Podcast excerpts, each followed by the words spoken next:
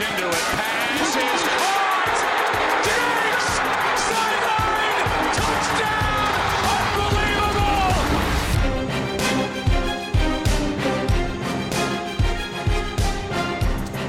Welkom allemaal bij weer een nieuwe aflevering van de Sport Amerika NFL podcast. Ik ben jullie host Ton de Vries en op afstand van mij zitten deze keer Lars Leeftink en Julian Ubachs. Welkom heren. Goedemorgen. Hey, hallo. Ja, we zijn er vroeg bij eh, vandaag. Eh, dat betekent ook weinig rust voor jullie. eh nou, hoogstwaarschijnlijk twee korte nachtjes. Hoe, hoe zit je erbij Lars? Nou ja, twee nachtjes met vier, vijf uur slaap, dat is wel, dat is wel pittig. Maar goed, het was de laatste keer voorlopig. Dus wat dat betreft, ja, twee nachtjes dan maar een keer doorhalen, dat, dat redden we nog wel een keer. En het scheelt, volgende week is het maar één keertje. Dus dat is alweer een nachtje minder. En jij Julian, heb je, ben je laat opgebleven? Twee, twee avonden?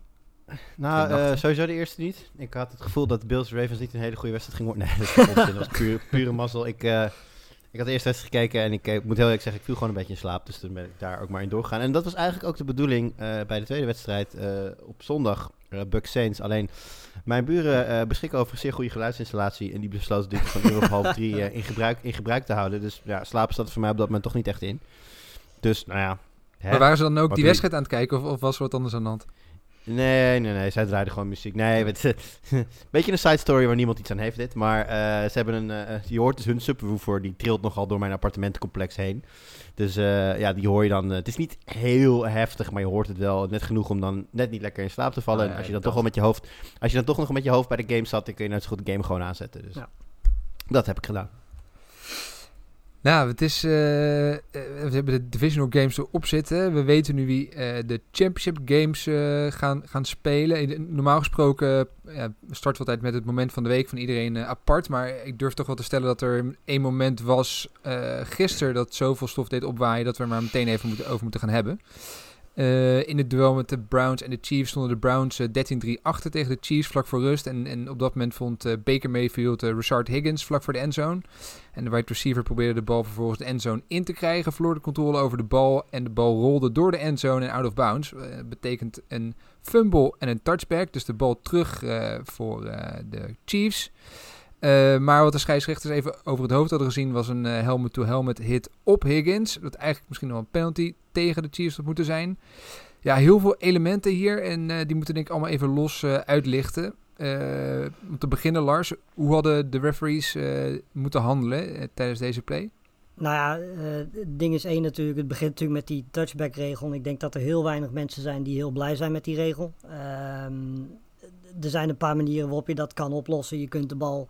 Uh, nu op dit moment is het zo dat als de bal op dit moment dus uh, out of bounds gaat, dan is het gewoon uh, de bal voor, voor de defensive partij in dat geval.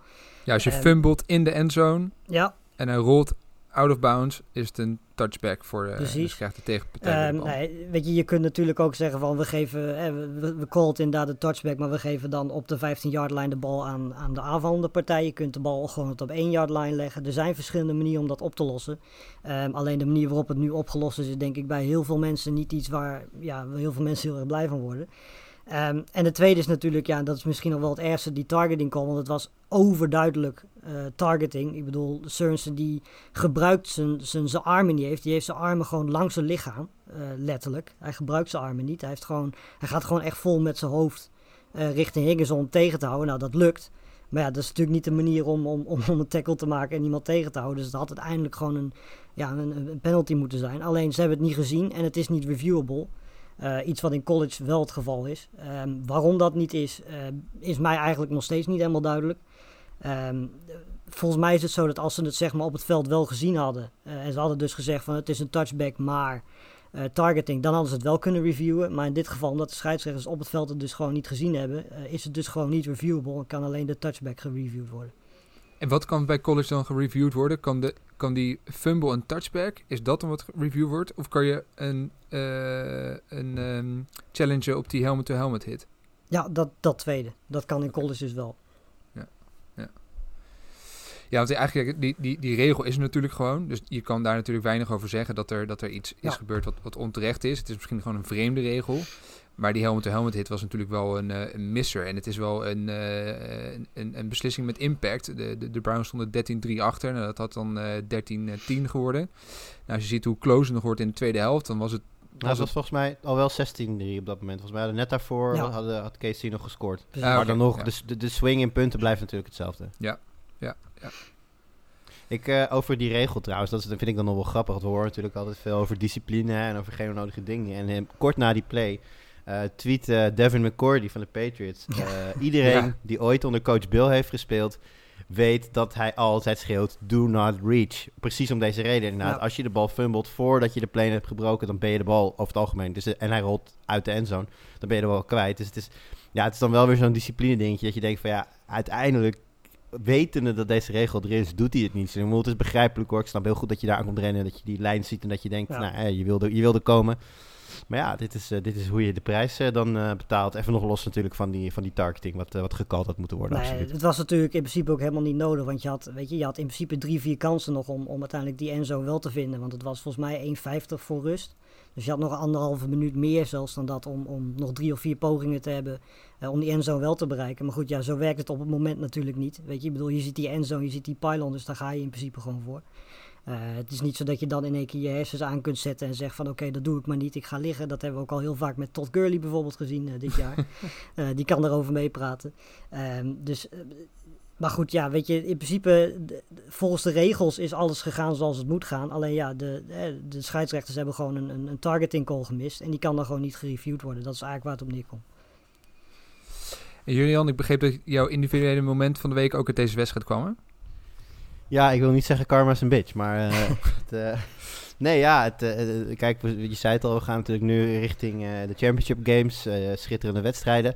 Maar ja, deze hele komende week gaat natuurlijk in feite maar over één ding. En dat is, kan Patrick Mahomes spelen? Want die, eh, eh, eh, die verliet natuurlijk de wedstrijd. Ik kon eigenlijk niet zo heel erg goed zien waar het, wat er nou gebeurde. Hij ging naar de grond, maar ik zag niet een hele duidelijke impact op zijn hoofd. Maar duidelijk was in ieder geval wel dat hij flink groggy was toen hij opstond. Hij moest zelfs overeind geholpen worden. naar de kant begeleid. Nou, iedereen die dat zag, die had eigenlijk al het idee dat hij niet meer terug zou keren. En inderdaad, werd als vrij snel bekend out for the game en in de concussion protocol. Ja, we weten natuurlijk allemaal, dat is een proces dat eh, uit de handen is van het team zelf. Dat ligt bij, eh, bij onafhankelijke doktoren die daar dan op een gegeven moment een clear moeten geven voordat hij weer mag spelen. Ja, dus dat is het moment. eh, en het was ook het moment natuurlijk dat de wedstrijd in die zin kantelde. Dat de Browns ineens weer kans maakten om eventueel een upsetje te gaan, te gaan poelen. Eh, dus dat, dat alleen al. Maar vooral ook wat het dan betekent voor de rest van deze week. Maakt dit wel mijn moment van dit weekend, ja. Wat ik niet snapte van die play was dat eigenlijk Mahomes daarvoor al een beetje op zijn, ja, op zijn, ik weet niet of het zijn linker of zijn rechter eh, enkel was of, of teen was, maar daar had hij al een blessure. Eh, daar liep hij, ondanks dat hij dat had, was hij nog steeds lekker aan het spelen trouwens. Dat is ook wel weer opvallend. Maar dat je dan vervolgens met eigenlijk zo'n iemand die dus niet zo heel lekker loopt op dat moment, toch gewoon een, een, een play called waarmee je Mahomes mee gaat rennen. Dat vind ik dan uiteindelijk wel iets dat ik denk van waarom zou je dat doen als je weet dat Mahomes ten eerste sowieso al beter is met, met zijn handen. En ten tweede ook nog eens een keertje al niet helemaal 100% lekker loopt. Tja.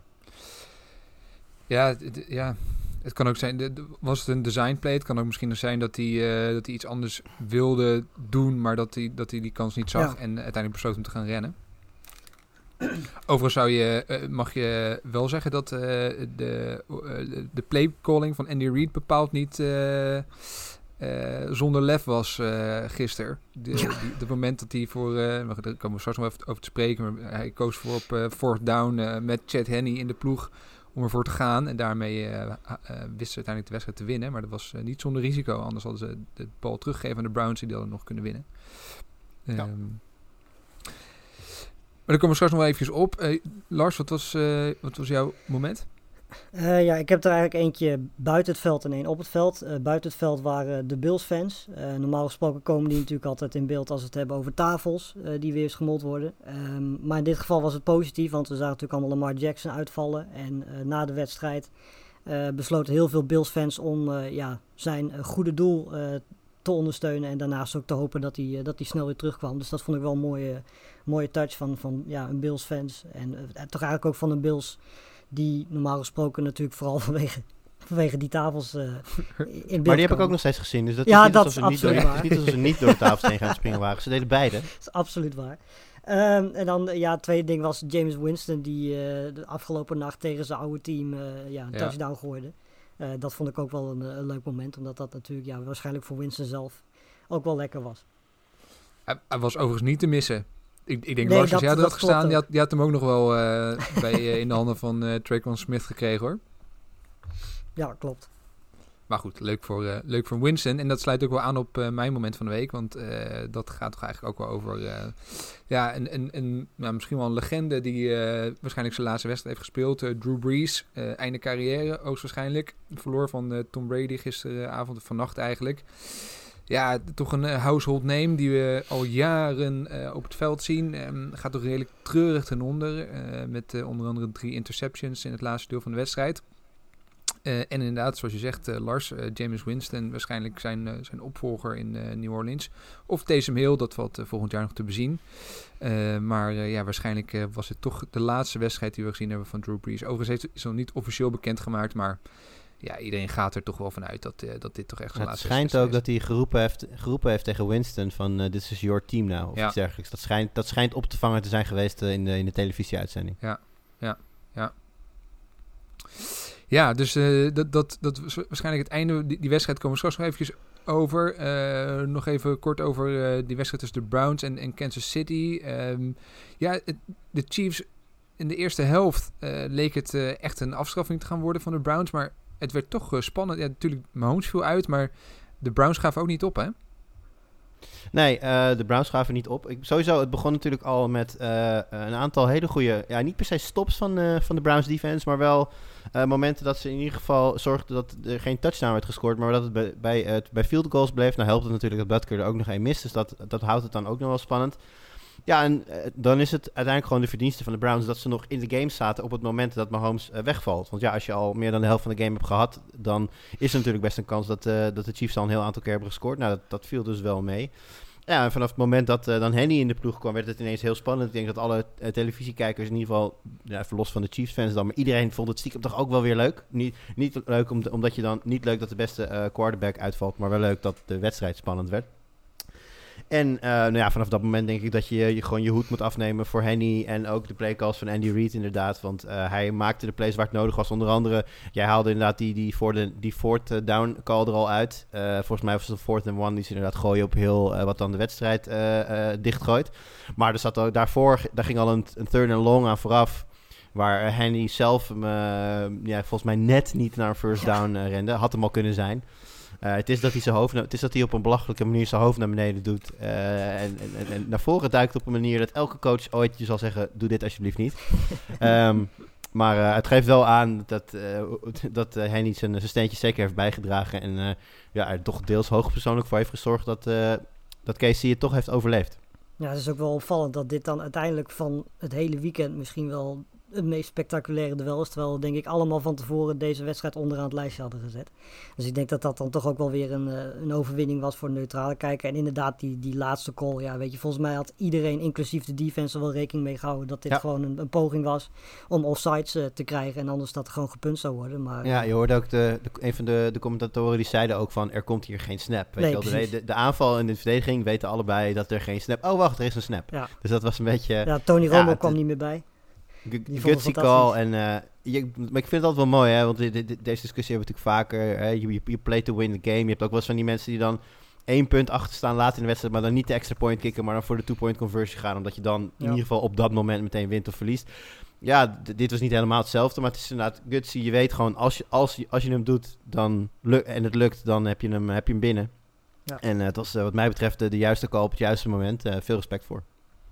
Opvallend, eh, Harrison Butker, toch een van de beste kickers eh, in de league, eh, miste een paar field goals en viel me op. Justin Tucker, misschien wel de beste kicker in de league bij Baltimore, miste ook een paar kicks. Gekke tijden eigenlijk bij die kickers dit weekend. Ja, bij, bij Tucker denk ik dat je niet om de, om de weersomstandigheden heen kan. Volgens Nee. mij hadden ze daar windvlagen van. Ik weet even niet de, de windsnelheden erbij, maar het waaide flink. Dat zag je ook wel aan- de quarterback play natuurlijk verder. Dus dat, dat, dat speelt zo'n kicker dan natuurlijk ook gewoon parten. En ja, voor Butker, ehm, ja, weet je, het kan een keer gebeuren. Ik bedoel, Vinatieri heeft ook, eh, is, is al in zijn beste jaren eh, belangrijke kicks gemist her en der. Ja, het- niemand, maakt, niemand maakt ze allemaal. Ja, Butker eh, speelt natuurlijk bij de Ravens tegen de Bills, Lars, eh, zaterdag. Ehm, het- ook een, een wedstrijd die eigenlijk anders liep dan, eh, dan velen hadden verwacht, denk ik, hè? Ja, dit was. eh, we hebben het ook al toen bij de Titans Ravens gehad. Daar hadden we ook veel offense verwacht. Gebeurde toen ook niet. Eh, en eigenlijk in deze wedstrijd ook niet. Eh, in de eerste drive van, van, van de Ravens, eh, toen die run game zo goed liep, toen dacht ik echt van ja, weet je, er is echt no way dat Buffalo dit tegen gaat houden. Want het ging zo ontiegelijk makkelijk. Ehm, maar uiteindelijk hebben ze dat ja, heel erg goed voor elkaar gekregen. En eigenlijk heeft Baltimore verdedigend gezien in die wedstrijd ook niet heel veel fout gedaan. Ehm, want uiteindelijk hebben, hebben ze gewoon Allen op 17 punten weten te houden. Uh, wat normaal gesproken je in ieder geval kans zou moeten geven om te winnen.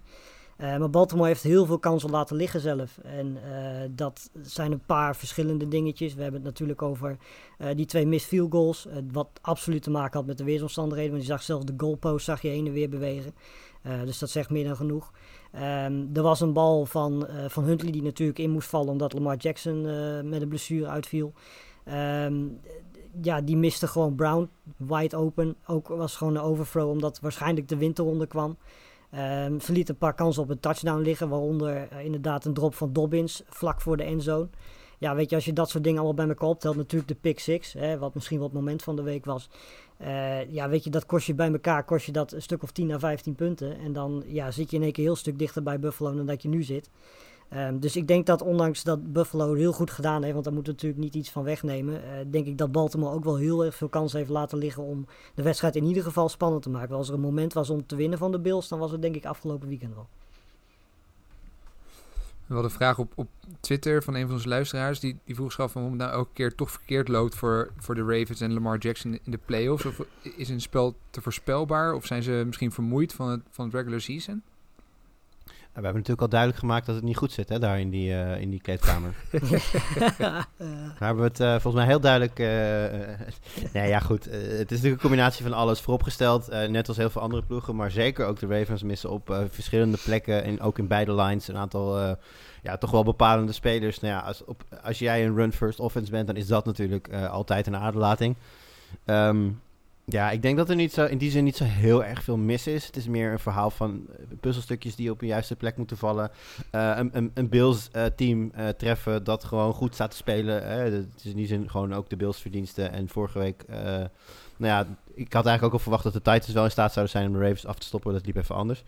Nee, maar ik denk dat ze iets meer presence zouden kunnen gebruiken in de passing game. Misschien nog een, een extra, want behalve Mark Andrews en nu de laatste weken dan Marquise Brown weer wat meer. Maar in heel veel weken was Mark Andrews toch de enige uh, realistische optie voor, voor Lamar Jackson. Ja. Wiens, uh, wiens kracht nooit de, zijn passing game is geweest. Dus wellicht dat daar ook nog wel wat, wat, wat werk aan, aan kan gebeuren de komende jaren. Als dat een beetje nog een stapje zet, dat dat ook weer uh, voor een verandering kan zorgen. Um, nee, ik denk niet dat de Ravens heel veel hoeven aanpassen. Iets, iets fitter blijven, misschien één of twee leuke spelers op de skill positions erbij. En dan staan ze volgend jaar gewoon weer in de, in de divisional round, denk ik. En met Mahomes nu twijfelachtig voor, voor volgende week. Uh, als hij kan spelen, waarschijnlijk niet uh, topfit. Zijn de Bills misschien wel licht favoriet nu voor de, om de Super Bowl te halen? Uh, ja, nou, ik, laten we vooropstellen dat de kans groter is als Mahomes niet helemaal fit is of niet speelt, dan dat hij wel fit is en wel speelt. Ehm, maar ja, weet je, ik kan mij weet je, heel moeilijk voorstellen dat als het een shootout wordt en die kans is groot. Uh, ja, kijk, het probleem een beetje met beide teams is dat ze eigenlijk allebei niet zo'n hele fantastische running game hebben. Dus je, weet eigenlijk al, ondanks dat trouwens Kansas City afgelopen weekend wel uh, wat succes had in de running game. Maar in principe is de kwaliteiten van beide quarterbacks en ook van beide offenses de passing game. En daarnaast is natuurlijk beide defenses zijn ja, degelijk, maar behoren niet tot de, nou, laten we zeggen, top 5, top 10 van, van, van de NFL. Um, dus ik denk dat het vooral heel belangrijk is. Als het een shootout wordt, dan kan ik me bijna niet voorstellen dat iemand Patrick Mahomes kan verslaan. Uh, zelfs Josh Allen niet. Um, maar als Buffalo op een of andere manier die, die verdedigende vorm die ze nu de afgelopen nou, twee weken wel hebben laten zien, uh, door kunnen zetten uh, tegen Kansas City, dan acht ik de kans zeker niet kansloos dat Buffalo kan winnen. Kansas City is ook drie punt favoriet op dit moment. Dat zal ook te maken hebben met dat Mahomes niet helemaal fit is. Um, dus er, er, gaat heel veel afhangen van of Mahomes fit is of niet. Wel een lekker affiche, hè? Ja, zeker. Ik uh, heb overigens wel het idee dat Mahomes het gaat redden, hoor. Als je de eerste... Ja, het is wat ik al zei, uh, concussion protocol altijd onvoorspelbaar. Ja. Maar de eerste uh, geluiden vanuit de... Gisteravond meteen al vanuit de local room waren enigszins positief. Reed zei dat het goed met hem ging. nou ja, Mahomes was in ieder geval ook al gewoon meteen weer actief op social media. Dus Ja. dat geeft in ieder geval aan dat hij niet met een eh, zware hoofdpijn eh, op een bank ligt ergens. Nee. Dus eh, ik, ik- ja, het is lastig te voorspellen, maar ik heb het idee dat dat wel eh, goed gaat komen voor volgende week. Waarschijnlijk kunnen we er donderdag wat meer over zeggen.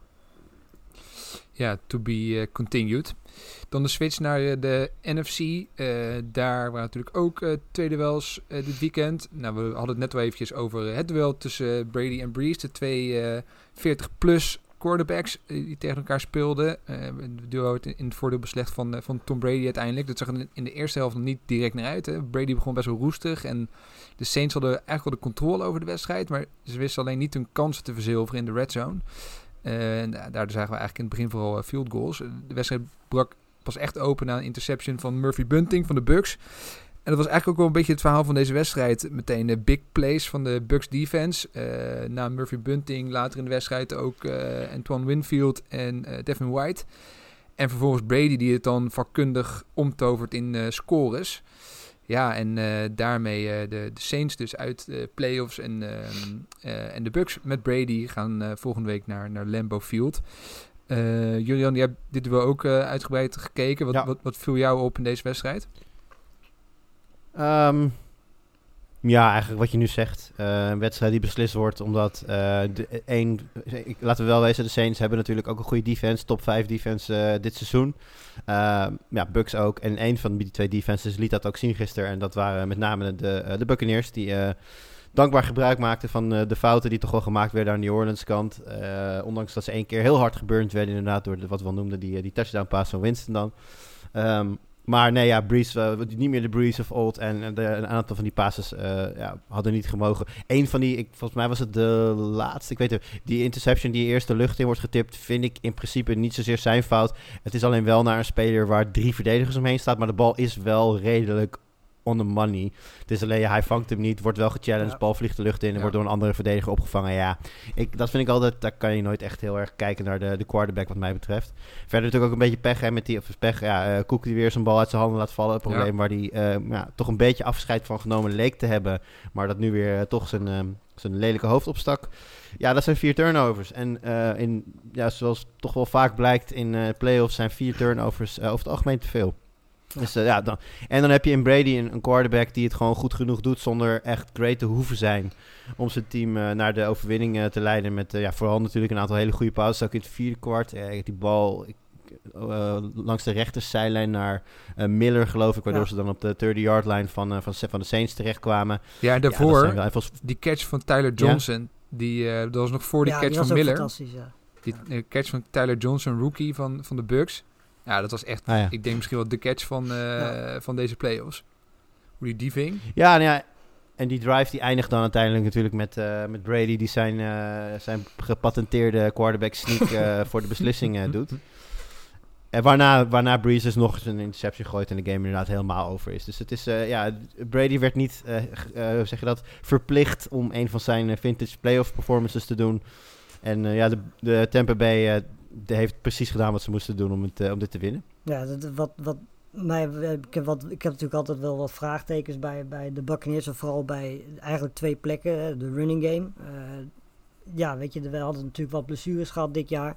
Ehm, maar afgelopen nacht, ja, weet je, tegen toch wel een hele goede Saints running game was, eh, run defense was, was, waren zowel Fournette als Ronald Jones waren eigenlijk gewoon heel goed.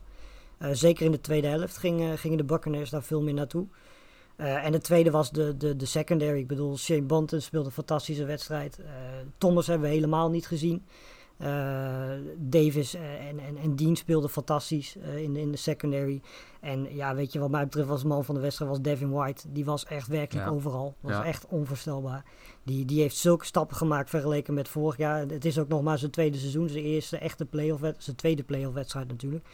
Eh, ja, weet je, die, dat is echt een fantastische speler. Dus wat dat betreft, eh, ja, weet je, maakt, baat het mij wel een beetje zorgen voor het duel met de Packers. Want dat waren de twee plekken waarvan ik dacht van, daar zijn ze wellicht te pakken. Hè, de secondary en, en, en in de running game. Maar ja, als ze dit niveau Ja. tegen de Packers weten te halen, wordt het een eh, lastig verhaal, denk ik. Ja, de enige waar, waar ik twijfels over heb, want daar zat ik ook aan te denken. Alleen werd de secondary van de Bucks wel echt genoeg getest in deze wedstrijd. En dan, dan doe ik toch weer een beetje Ja. op de arm van Drew Brees, die eh, de bal gewoon niet Ja. verder meer kan slingeren dan, eh, nou zeggen, 15, 20 yards. Ja, daardoor kan je natuurlijk ook eh, die secondary wat beter maskeren, de, de zwaktes daar, en, en, en wat makkelijker misschien verdedigen. Nou, dat is ook zo. Zoals straks tegen Rodgers is het natuurlijk een ander verhaal. Ja, Rodgers is wel van een ander niveau op dit moment. Maar het probleem is alleen wel dat de Buccaneers tegen Rodgers al hebben laten zien dat, hij dat, Ja. dat ze dat ook kunnen. Dus Ja, met, dat, eh, dat- Ja, wat, eh, wat een belangrijk verschil is, en dat, dat, is, eh, dat heeft hier inderdaad mee te maken. En dat kon je ook heel goed zien als je eerder op de avond ook naar de Browns tegen de Chiefs hebt gekeken.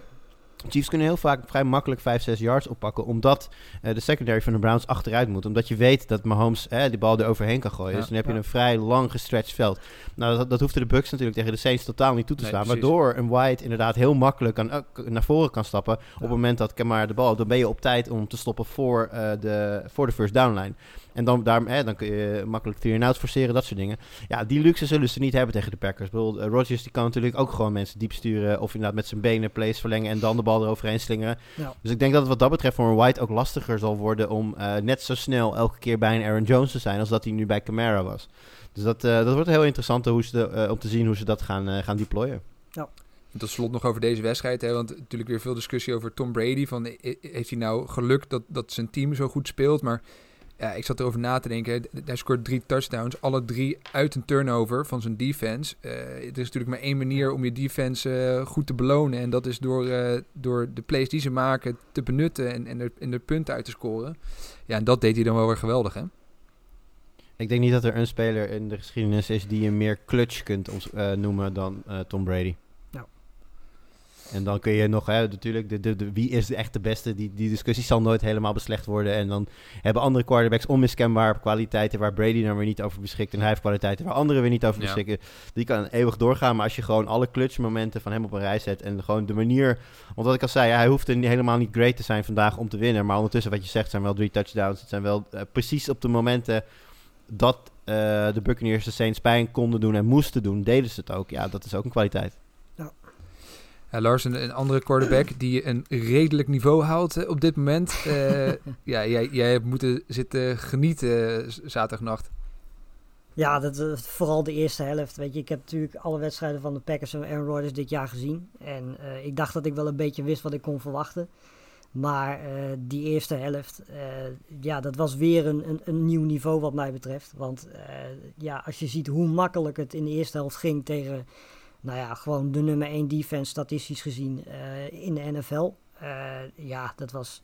Eigenlijk was dat, zelfs voor iemand als ik, was dat wel een verrassing. Ehm, ja, Rodgers zelf speelde een fantastische eerste helft. Liet ook eh, bij de eerste drive en bij de vierde drive zelfs nog kansen liggen om, om in plaats van field goals touchdowns te maken. Want hij had echt twee, drie passes bij de eerste drive die gewoon werden gedropt. En bij de vierde drive had hij ook makkelijk interception kunnen gooien twee keer. Ehm, maar dat geeft ook wel aan dat, ja, weet je, eigenlijk de 32 punten die Green Bay uiteindelijk scoort tegen deze defense. eh, dat dat er ook gewoon nog meer hadden kunnen zijn. En dat is eigenlijk wel bizar als je nagaat dat dit ja, toch eigenlijk samen met de Buccaneers wel de beste defense en de Saints natuurlijk de beste defense van de NFL is. Ehm, en wat ik ook eh, mij verbaasde was dat de running game zo goed liep. Want daar zijn de Rams natuurlijk ook heel erg goed in. En als je gewoon zag dat en Aaron Jones en Jamal Williams en zelfs AJ Dillon ehm, eigenlijk gewoon succesvol waren de hele wedstrijd. Eh, ja, weet je, dan, dan, dan heb je gewoon een, een, een, een, ja, op twee manieren ben je dan aanvallend gezien zo dominant. eh, dat het gewoon heel erg moeilijk wordt eh, voor een Rams offense die natuurlijk al sowieso niet zo fantastisch is. Nou vond ik trouwens dat Jared Goff wel gewoon een hele goede wedstrijd speelde. Ja, ondanks dat hij natuurlijk niet zo, hè, niet zo heel erg fit was. Ehm, Cam Akers was ook fantastisch. Dus het lag alles behalve aan, aan de offense die misschien niet helemaal 100% al zijn kansen maakte. Maar ja, het was toch vooral de defense. En natuurlijk ook vooral natuurlijk de, de blessure van, eh, van Aaron Donald die niet helemaal fit was. Werd in de eerste helft compleet geoond door, eh, door Elton Jenkins. Die, eh, ja, Ja. die was echt Aaron Donald compleet aan het domineren. In de tweede helft hebben we Donald ook eigenlijk niet meer gezien. Ehm Jalen Ramsey werd elke kant van het veld opgestuurd. Die had helemaal niks te vertellen eigenlijk. Zowel niet tegen Adams als tegen een paar andere receivers. En dat heeft natuurlijk deels te maken met dat Adams gewoon een hele goede receiver is. Eh, gewoon eigenlijk de beste receiver op dit moment in de NFL. Maar het heeft ook te maken met het feit dat LeFleur gewoon, dat zag je ook bij die, bij die touchdown van Adams, er gewoon voor zorgt, ja weet je, als Jalen Ramsey op Adams staat, dan moet je ervoor zorgen dat, dat Ramsey daar niet meer op staat. Ehm, en dat is iets waar Matt LeFleur natuurlijk gewoon eigenlijk het hele jaar al heel goed doet. eh, het schemen. En eh, ja, weet je, dan, dan kun je naast het feit dat Rams zo goed is... ook nog eens een keertje ja, op zo'n manier Ramsey uitschakelen. Ehm, eh, ja, dan was het, het was echt een fantastische eerste helft. En dan in het derde kwart wordt het natuurlijk hè, wordt het nog een beetje penibel... omdat hè, Rams defense dan een beetje wakker wordt... Ehm, maar ja, uiteindelijk dan die, die bal van Laz eh, naar Lazar op het einde, dat was eh, uiteindelijk wel de beslissing. En het was ook fantastisch trouwens om, eh, om zoveel fans eh, te horen. Sowieso afgelopen weekend heel veel fans gezien. En dat is altijd wel iets wat, eh, wat natuurlijk iets extra's toevoegt. Ja, ze hebben de epi- ep- e- epidemie, pandemie natuurlijk daar volledig onder controle. Dus dat, ja, zeker. Hij gaat heel goed daar, ja. Ja. Nee, maar ik, eh, nog even om hierop aan te sluiten. Eh, het was, voor mij was eigenlijk een beetje het breekpunt. Jij, jij noemt dan die paas naar Lazard, dat kwam hier nog iets na. Eh, die sack die Goff op een gegeven moment pakt in de drive Ja. daarvoor, eh, waardoor ze eigenlijk een soort van kansloos zijn en een third and long krijgen en dan eh, de bal weg moeten punten. Ja. Op dat moment, ja, ik vind momentum altijd een beetje een vluchtig iets om over te praten, maar gevoelsmatig hadden de Rams in ieder geval meer momentum op dat moment dan dat ze ooit hadden gehad in die wedstrijd. Ja. En op dat moment ha- had een touchdown het ook gelijk gemaakt, dus nou, ze waren redelijk onderweg. Natuurlijk nog wel, ze moesten nog wel een heel eind, maar nou ja, die, die sack, dat, dat kostte ze op dat moment hè, de bal. En daarna scoorde Green Bay meteen en was het eigenlijk al klaar. Ehm, maar ik vond dat eh, met name eh, het moment eh, dat deze wedstrijd eigenlijk al in het slot viel. Ehm, daarbij moet ik wel zeggen dat het me in die zin wel verbaasde hoe... ja, makkelijk is niet het goede woord, maar hoe goed de, de Rams nog wel meekwamen met de Packers. En ja. nou, tot op dat moment dus eigenlijk nog in staat zouden zijn geweest ehm, om de wedstrijd te kantelen. Je, had, je had wel op dat moment, toen ze nog de bal hadden, heel erg het idee van... Als de Rams nu scoren, wordt het 25-25. En dan, eh, als dan hè, de, de, de meerwaarde van een Jalen Ramsey en een Aaron Donald, al die, alles wat, wat van tevoren natuurlijk genoemd is, als dat er dan eh, doorheen komt op een gegeven moment, ja, dan zou het nog wel eens eh kiele kiele kunnen worden voor de Packers. Nou ja, goed, dat gebeurde dan niet. Maar het feit dat ze zo lang mee konden komen, doet mij ook wel uitkijken naar komend weekend. Want ik zou, denk ik, voor deze... Als nou de Packers gewoon de Rams hadden weggeveegd alsof het een, een vliegje op de muur was, dan had ik echt gedacht van, ja, volgens mij hebben de Buccaneers niets te zoeken in, in Green Bay. Zeker niet de koude omgeving. Hè. Brady toch altijd wat minder goed in, eh, in, in de kou, zeker als het gaat om zijn, eh, zijn passing game natuurlijk. Ehm, dus... Maar goed, gezien de, toch wel het gemak waar, eh, waarmee Goff uiteindelijk de ruimtes wist te vinden in, in de secondary van de Packers. Ja, dan ben ik het er nog niet zo, niet zo over uit dat de Packers dit wel zo makkelijk gaan winnen van, eh, van Tampa Bay. Nee, en het ding is natuurlijk ook gewoon dat, weet je, en datzelfde geldt eigenlijk ook een beetje voor, voor de Chiefs en de Bills. Eh, alle drie zijn eigenlijk aanvallend gezien, nou ja, fantastisch. Heel leuk om aan te kijken. Maar ze zijn natuurlijk niet zo compleet als dat de Buccaneers zijn. De Buccaneers zijn van de vier teams natuurlijk met afstand het meest complete team dat op dit moment nog in de playoffs is. Ehm, dus eh, ja, weet je, het probleem is en, is, en blijft ook gewoon dat de Packers eh, op een of andere manier gewoon de run niet kunnen stoppen. En als je dan ook nog eens een keertje ja, aan Jared Goff zoveel passing yards weggeeft. En het waren vooral heel veel ballen die zeg maar eh, naar de zijlijn gingen. Waardoor ze dus heel makkelijk, heel snel heel veel yards konden pakken. Ehm, ja, weet je, wat ze ook goed deden trouwens was Alexander, eh, Jerry Alexander eh avoiden. Daar gooiden ze eigenlijk helemaal niet naar. Ehm, wat misschien ook wel heel verstandig is. Ehm, maar als je Alexander wegdenkt, weet je, ja, eh Amos en Savage zijn hele goede safeties. Eh, maar de rest van de cornerbacks, eh, daar zitten toch wel wat, zijn wel wat mogelijkheden. En, en ja, weet je, als de Rams die al weten te vinden, dan heb je natuurlijk straks met Tom Brady eh, iemand die ja, als geen ander dat kan vinden. We hebben ook al gezien dat een, een, een Gronkowski bijvoorbeeld. Ja, de Packers hebben eigenlijk niemand die, die Gronkowski kan verdedigen. Dat hebben we toen in die wedstrijd in week 6 was dat volgens mij eh, ook al gezien. Ja, weet je, er is niet heel veel reden om te denken dat dat eh, komend weekend ook weer gaat gebeuren. Dus ja, weet je, ik wil niet zeggen dat ik de Saints liever had gehad dan de Buccaneers. Ehm, want het was hoe dan ook een moeilijke matchup geweest.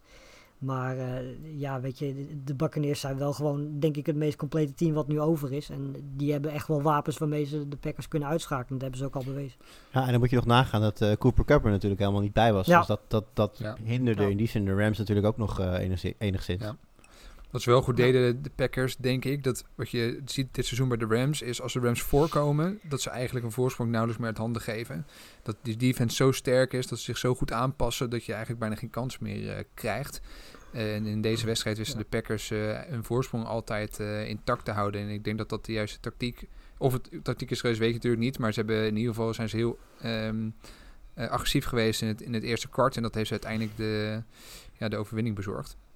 Ik vind het wel mooi dat je zegt eh, dat een voorsprong pakken en hem behouden. Ik denk inderdaad dat dat de tactiek Ja, is. Ik denk ja, dat voor ja. heel veel mensen, ik denk, ik denk dat het voor heel veel mensen de tactiek Ja, is. ja, ik weet niet zeker of ze dat wilden, maar... Overigens, de, eh, Brandon Staley, de, de, de defensive coordinator van de Rams... eh, wordt waarschijnlijk de nieuwe head coach van de Chargers. Piep Jong nog. Eh, verrassende Ja. keuze, dat hij eh, meteen al head coach wordt. Nou ja, ik, ik had, nou ja, het is in zoverre verrassend dat we volgens mij, ja, weet je, wel een beetje, misschien is verwacht een groot woord, maar ik denk dat we met z'n allen vooral gehoopt hadden dat het eh, Brian de Bol van de Bills zou worden. Omdat hij natuurlijk, ja, weet je, hij in combinatie met Herbert was denk ik fantastisch geweest om naar te gaan kijken. Ehm, en wat dat betreft, weet je, die Bernie Staley had eigenlijk ook verder niet heel veel interviews. Ehm, dus wat dat betreft kwam hij wel een beetje uit het niets. Eh, maar het is natuurlijk niet zo dat, dat Staley er helemaal niks van kan. Want wat hij heeft laten zien, weet je, we hebben van tevoren gezegd. Ja, de, de, de Rams defense bestaat eigenlijk voornamelijk uit, uit Ramsey en Donald. Maar goed, wat hij ervoor gezorgd heeft, is dat de rest, alles om hem heen, ook gewoon het hele jaar heel erg goed heeft gespeeld. En daar is hij natuurlijk uiteindelijk wel verantwoordelijk voor. Ehm, maar goed, inderdaad, hij is nog piepjong, hij heeft nog niet heel veel ervaring. Dus wat dat betreft is het wel een interessante keuze om hem te verkiezen boven, boven Brian, Brian de Bol. Hij hoeft, niet, eh, hoeft, niet te verhuizen. Nee. Dat is makkelijk. Klopt inderdaad. Eh, de, de, nou, dus de Bills tegen de, tegen de Chiefs eh, komend weekend. En eh, de Packers tegen de Bucks voor een plekje in, in, de, in de Super Bowl. De, de uitgebreide voorbeschouwing vol- volgt later deze week. Ehm, de- verder gebeurde ook nog best wel wat in, in de NFL. Misschien moeten we daar ook nog even kort over hebben. Er werd, waren ook wat luistervragen over. Ja, de belangrijkste misschien wel eh Deshaun Watson. Eh Carl van Heijden vroeg daarnaar. Hoe groot schatten jullie de kans dat Deshaun Watson de, de, de Texans gaat verlaten dit offseason? Ja, groot. Ja, toch? dat lijkt me wel, ja. ja. Het, eh, ja, goed. Het is, uiteindelijk zien we toch wel vaak dat eh, eh, ehm, als spelers op een gegeven moment nou ja, vrij duidelijk zeggen dat ze niet willen blijven, dan heb je daar uiteindelijk als club ook weinig aan om, om hem dan aan te zeggen van nee, je moet blijven, je hebt het contract, whatever. Ja, dat, dat is uiteindelijk meestal niet de route die gaat leiden naar succes. Dus ik denk dat, eh, en sowieso, Houston zit ook niet in een situatie dat zij in, in, in, in, eh, ja, een speler die in mijn ogen een top 5 quarterback in de league is, easy. Ehm, Ja. dat, die gaat hen nu niet. Bedoel, het feit dat ze nog wedstrijden winnen is dankzij Watson. Ja, dan weet je dus dat je heel veel tekort komt. Eh, als ze gewoon een paar eh, leuke draftpicks kunnen krijgen voor hem en daarmee een rebuild kunnen gaan starten, dan denk ik dat dat het, goed, eh, het verstandigst is. Want er zijn weinig. ik denk dat er weinig professionele franchises zijn die de laatste jaren zo slecht gemanaged zijn als, als Houston. Ja. Dus ik denk dat die er goed aan doen om, om zeg maar, cut your losses and run en, en, en, en proberen het opnieuw. Ja, en dan wordt natuurlijk de interessante vraag waar hij heen gaat. Ik zag dat wat eerste Ja. analyses dat, eh, dat de Jets misschien wel een, eh, een kanshebber zouden zijn. Ja, nou goed, weet je, de, de Jets, Dolphins en Jaguars die hebben natuurlijk wel de meeste cap space. Dus dat, wat, en die hebben natuurlijk ook heel veel draft picks. Dus dat zijn wel drie teams waar je dan meteen naar gaat denken. Maar goed, ja, de, de Dolphins kun je eigenlijk wel normaal gesproken wegdenken daarbij. Nou, de Jets, ja, weet je, volgens mij is het vertrouwen in Sam Darnold wel een beetje weg daar. Natuurlijk ook een nieuwe head coach, die wil ook meestal wel eens eh, gaan voor een andere quarterback. Dus dat zou zeker kunnen. Ehm, maar goed, waar ik een beetje bang ben als hij naar de Jets gaat, is dat hij een beetje in dezelfde situatie komt. Want eh feit is wel dat het beste wapen van Sam Darnold afgelopen, afgelopen jaar was eh, Frank Gore. Volgens mij doe je dan iets niet helemaal heel erg goed. Dus ja, eigenlijk hoop, weet je, de Jaguars gaat hij natuurlijk ook niet heen. Want we weten allemaal dat eh, of Lawrence of Fields daarin gaat. Dus van de drie teams die en heel veel cap space en heel veel picks hebben om, om Welke weg te geven. wa- welke team waren dat volgens jou, Lars? Welke drie teams? Eh, de Jaguars, Jets en de Dolphins. Nou, Dolphins hebben best wel weinig cap space. Dus niet weinig, maar die staan eh Nou, bedoel- zevende. Ja, vergele- vergeleken met andere teams ook niet. Ehm, nou ja, ze hebben effective cap space komend jaar staat nu op 26 miljoen. Dat is niet overdreven Ja. veel als je nagaat dat de, de- inderdaad de Jaguars en de Jets er bovenaan. Maar daarna komen er een aantal hele interessante teams. En met name eh, de Colts hebben 65 miljoen Ja. eh, effective cap space. En een eh, quarterback waarvan ik denk dat hij ook wel eens met pensioen zou kunnen gaan. Ja. En kort achter de Colts zitten de New England Patriots. Doe met die informatie wat je wil. Nee, ik, ik, denk ook, ik denk dat de Colts eh, een, een droomfit zouden zijn. Ik denk dat de Colts een team zijn die echt op de drempel staan van... van eh, op de drempel, ze stonden natuurlijk gewoon in de playoffs. Eh, en met eh, een, de juiste quarterback zie ik ze daar... eh, een Watson kan de Colts veranderen in een, van, een, van een goed team naar echt een, een, een legitimate contender. Ja. Ja. Wat dat betreft zou ik het een hele logische fit vinden daar.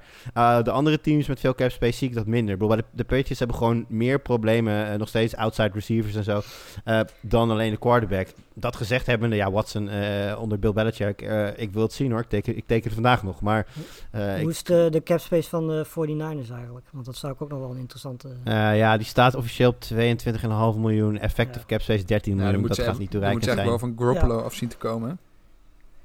ook ja, dat, eh, dus eh, nee, ik, ik, het wordt heel interessant wat daar, wat daar gaat gebeuren. En eh, Washington heeft ook nog wel veel eh, cap space. Nou, goed, de- die, dat is natuurlijk maar de vraag of die door willen met Smith. Dus dat, dat zou ook nog wel eens een optie kunnen zijn. Dus, eh, hij nee, kan ook gewoon terug, het, gaan hij kan ook gewoon terug naar Carolina. hè? nee, Hij kent, hij de omgeving. Zal je, zal, zal je ook eerst wat, eh, wat cap space moeten maken? Ja, er is volgend jaar best wat cap space. Ik weet niet of het genoeg gaat zijn. Maar... Ja, je, je hebt al vier quarterbacks daar, dus dat moet je ook nog even oplossen eerst. Nou, de, de, dan sturen we wel een paar eh, ergens anders naartoe. nee, dat... eh, maar de, inderdaad, de Colts, ik denk dat het een goede optie is. En, en dan weet hij natuurlijk niet wat hij meemaakt daar. Want hij is alleen maar gewend om achter verschrikkelijke O-lines eh, te moeten presteren. En, en de Colts O-line is de beste in Ja. de league. Dus dan dat wordt natuurlijk wel... eh, Ja, precies. eh, het- Nou, maar goed, er zijn maar, er zijn maar vijf of zes teams in de NFL die, die, ja, nou ja, die een betere quarterback hebben dan Watson. Dus wat dat betreft is zo'n beetje elk team voor Wa- Watson natuurlijk wel een upgrade voor. Dat, maar goed, ja, je moet wel de cap space hebben en natuurlijk ook wat, eh, eh, wat, wat picks hebben wat dat betreft. Het is eigenlijk echt belachelijk trouwens dat, dat Houston zelf dus gewoon ook echt geen cap space heeft. Ja, dat is ook wel knap is inderdaad. complete mismanagement daar de laatste jaren. En nog een, Ja. een ander eh, punt. Thomas Klink vroeg eh, naar de, de Eagles. Het gerucht gaat dat de Eagles front office in sollicitatiegesprek met kandidaatcoaches aangeeft dat Wentz in eerste instantie de man moet zijn komend seizoen. Eh, ja, stel even dat dit waar is. Is, is dat logisch?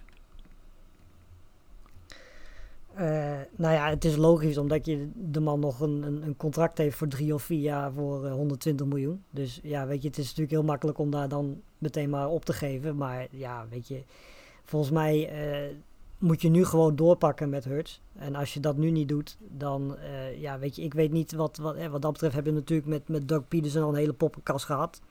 Eh, die eigenlijk gewoon voorkomen had kunnen worden, wat mij betreft. Maar goed, daar hebben we het al over gehad. En, ja, nu zit je in een situatie als je nu weer voor Carson Wentz gaat. En je gaat weer eh, ja, vier, vijf, we- zes weken het proberen en het werkt weer niet. Eh, ja, weet je, wat, wat ga je dan doen? Want volgens mij heeft, heeft Wentz nu gewoon zijn tijd en zijn kansen wel gehad. En je kunt wel zeggen van ja, we hebben nu een nieuwe headcoach, we gaan het nog een keer proberen. Maar goed, dan kun je natuurlijk eindeloos doorgaan. Want dan kun je natuurlijk altijd uiteindelijk de headcoach de schuld geven. En dan blijf je drie, vier jaar lang op dit niveau bungelen. En uiteindelijk eh, Carson Wentz een contract van 20 miljoen uit, eh, uit, ja, uitdienen. Zonder dat je echt, echt eh, vooruitgang boekt. Dus dat, ja, weet je, wat mij betreft gaan ze verder met Hurts. Maar goed, het probleem is dan natuurlijk wie wil Wentz in godsnaam hebben. Ja. En Doug Peterson ging waarschijnlijk naar de Seahawks hè, als eh, offensive coordinator. Ja, hij of Anthony Lynn. Oh, ja. Nou, Ja. ik zou het wel weten. Ja, daar zijn we nog niet vandaan. Mooi. Nou, we- de, de divisional round eh, zit erop. Ehm, ik zou zeggen, heren, eh, rust even lekker uit. Eh, het zijn weer twee lange Yes. avonden geweest. Eh, ik denk dat we donderdag terugkomen met de grote preview op de Championship Games. En dat zijn wel twee schitterende affiches. En dan eh, komende, volgende week maandag gaan we dan die weer eh, gaan we terugkijken op die, die wedstrijden. En dan richting de Super Bowl. Ik hoef, Super, geen, ik, hoef, ja? ik hoef geen picks te geven nu, begrijp ik? Je wil nu alvast je picks indienen. Nou, dat mag nou, uitstekend. Zeg het maar. Bills, Ah, Bills vorige, keer, Chiefs. vorige, keer had ik, vorige, vorige keer had ik ze natuurlijk allemaal fout, dacht ik. Dus eh, op, op, op Tampa Bay na. dus dat, eh, eh, Chiefs. Lars? Ja, Chiefs. Oké, zeg ik Bills en ehm Bucks Packers. La- Ja. Lars, Lars mag eerst. Ehm Bucks. Wauw. Zo. En dat noemt zich, en dat noemt zich een fan. maar ik denk dat je gelijk hebt. Ja, ik, ah, ik ben het weer oneens. Ik zeg de Packers. Nou, top. Ja. We hebben ze opgeschreven. Volgende week eh, komen we erop terug. Heren, jullie... eh, Ik hoop dat ik ongelijk heb. ja, ik hoop het ook voor jou. Zondagavond, eh 9 uur gaan we het zien. Heren, jullie eh, veel plezier. Alvast eh Yes. volgend weekend. En we spreken elkaar maandag. Bye.